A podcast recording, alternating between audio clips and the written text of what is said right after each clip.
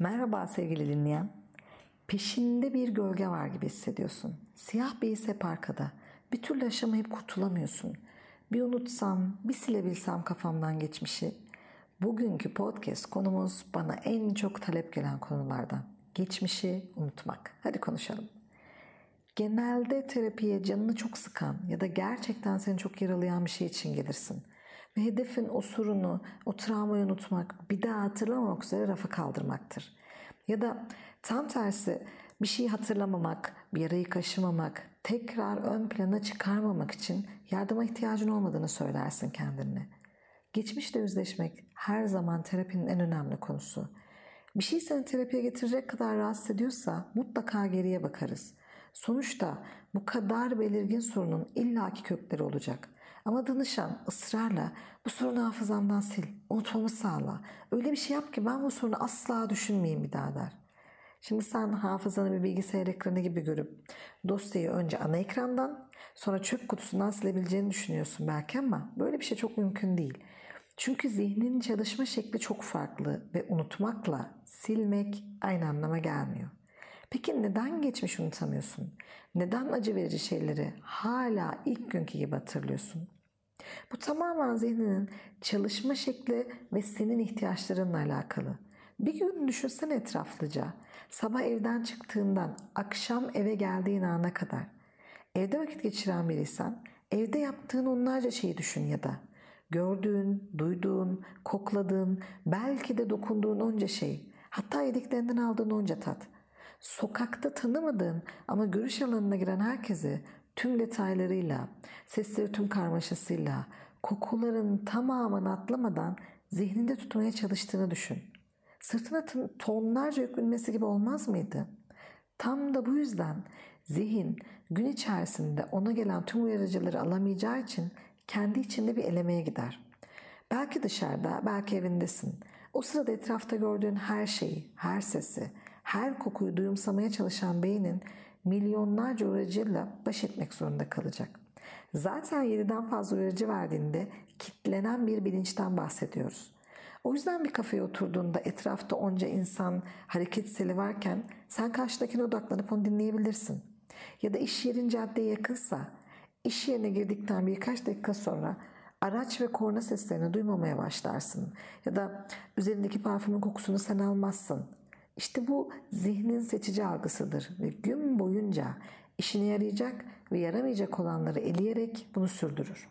O gün içindeki amacına uygun olanları öne çıkarırken diğerlerini geriye atar. Geçmiş, gelecek bunların hepsi için bu geçerli. Sürekli tüm anılar gözünün önünde olamaz biliyorsun değil mi? İhtiyaç duydukça bizi gülümsetecek, şaşırtacak, özlem duyuracak ya da sarsacak şekilde hatırlarız belki anıları o kadar. İşte zihnin bunu yaparken tehdit ve fırsat algısıyla çalışıyor. Eğer etrafında işine yarayacak, seni mutlu edecek bir şey varsa bu fırsattır. Ve zihnin pozitif anlamda onu ön planda, ana ekranda tutar. Eğer canını sıkma, seni üzme ya da tehlikeye atma potansiyeli olan bir durum varsa bu tehdittir. Onu da gözünün önünden ayırmaz. Geri kalanlar yeri geldiğinde tehdit ve fırsat olmadıkça kullanım potasına girmeyecek olan nötrlerdir. Artılar ve eksilerle çalışıyoruz yani. O an için işlevi olmayan nötrler içinden neyin artıya, neyin eksiye dönüşeceğini belirleyen de hayat içindeki o istek, ihtiyaç, talep ve planların. Şimdi sen bu podcast'te dinlerken dikkatini etrafındaki tüm sesler, kokular ve görüntülerden alan zihnin buradan öğreneceğin ya da burayla yaşayacağın tehdit ya da fırsat algına göre çalışıyor. Yani sen ihtiyaç duyana dek bir şeyi etkisiz, nötr olarak nitelediysen o anı hatırlamazsın. Eğer hatırlıyorsan o anının sende ya hizmet ettiği bir amaç vardır ya gerçekten bitmemiş işlerin vardır o yaşantıyla ilgili. Geçmişi unutmamak istersen ya yaptığın hatalardan, yaşadığın sarsıcı deneyimlerden dolayıdır ya da şu anki durumundan tatminsizdir, tatminsizsindir. Geçmişi yad ettikçe Geçmişi hatırladıkça şu anki durumunu unutuyorsundur. Sebebi ne olursa olsun geçtiğin yollarda bitmemiş işlerin vardır. Orada bitiremediğin şeyler şu anı kaçırmana sebep oluyor. Belki de gelecek planlarını donduruyor. Hatta zehirliyor. Yerinde sayıyorsun. Hani bir yerde zincir takılıp kopmuş Ve boşa dönen bir tekerlek var gibi düşün. İlerleyemiyorsun, takılıp kalıyorsun. Geçmişi anlayıp incelemeden yoluna devam etmezsin. Bu kesinlikle doğru. Ama orada takılıp dönemeyeceğin ve hiçbir şey yapamayacağın bir zamanı düzeltmeye çalışıyorsan içinden çıkamayacağın bir döngüde çırpınırsın. Bundan da kurtulmak istersin. Çünkü geçmişe seni yokladıkça nefret, kızgınlık, pişmanlık, hayal kırıklığı, suçluluk, üzüntü gibi duygularla perişan olursun. Zihnin işleyişi artı ve eksileri öne çıkarmaksa ve sen bu kadar rahatsızsan demek ki o anının sendeki karşılığı fırsat değil tehdit.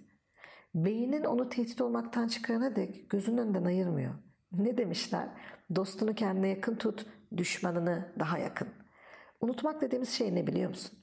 Negatif anlamı olan bir anıyla çalışıp anlamını tehdit kategorisinden çıkarıp onu etkisiz eleman haline getirmek. Böylece zihnin onu gözünün önünde tutmaktan vazgeçer. Uygun şekilde paketler dosya dolabına kaldırır. Topraklama yaparsın ve o elektrik seni öldürecek halden çıkar artık. Aslında geçmiş adım aşmanın birkaç adımı var. Birincisi, sosyoloji ve tarihin temel ilkesinden yararlanacaksın.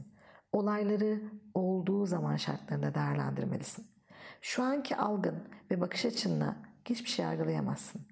Bu ya sürekli keşke demeni ya da şöyle olsa böyle mi olurdu, böyle olsa şöyle mi olurdu gibi fantezik düşünceler içine girmene neden olur.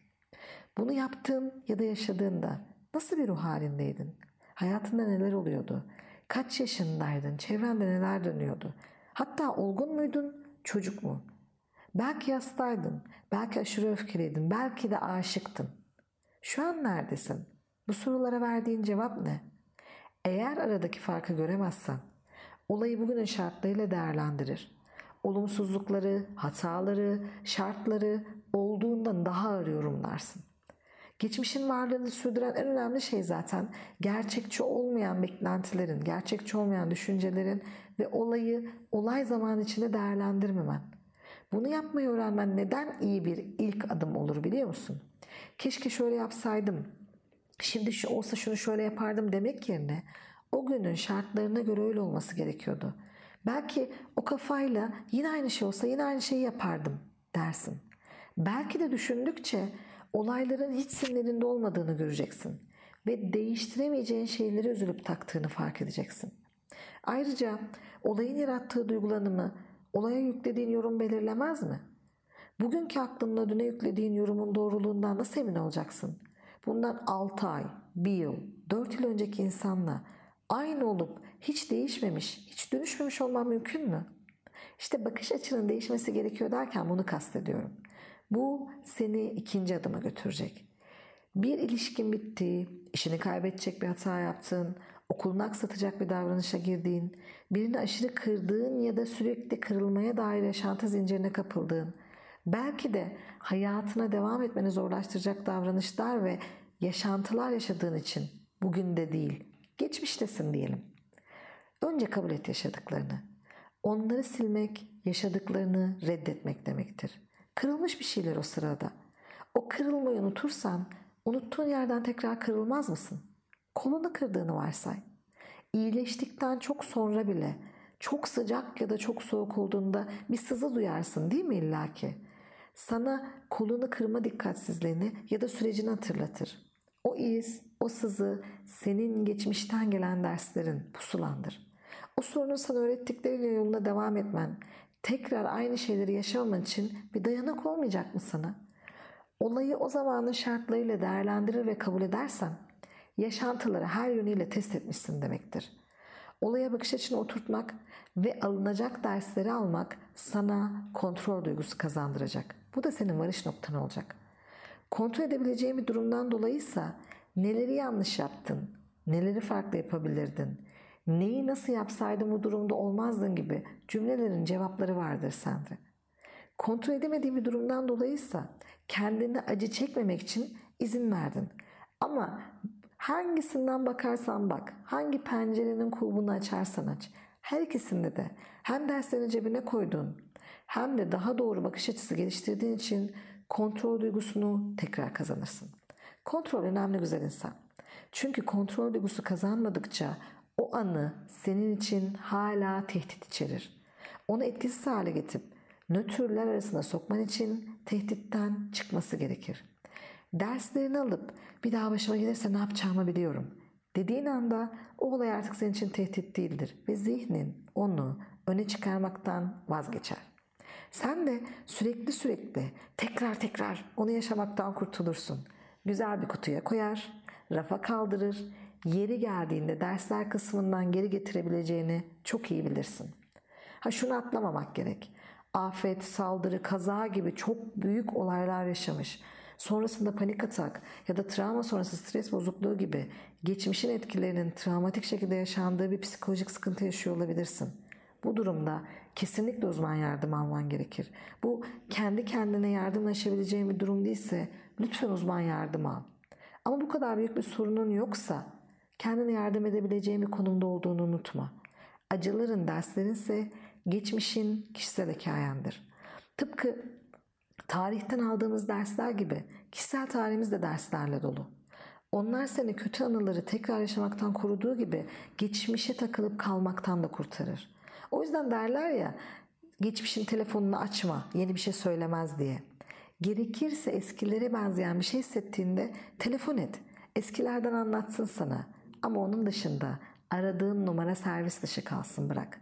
Yeni hatlar, yeni servisler hizmet versin sana. Yeni iyidir. O zaman bir sonraki podcast'e kadar sağlıkla kal, güvende kal, bizi takipte kal. Hoşça kal sevgili dinleyen.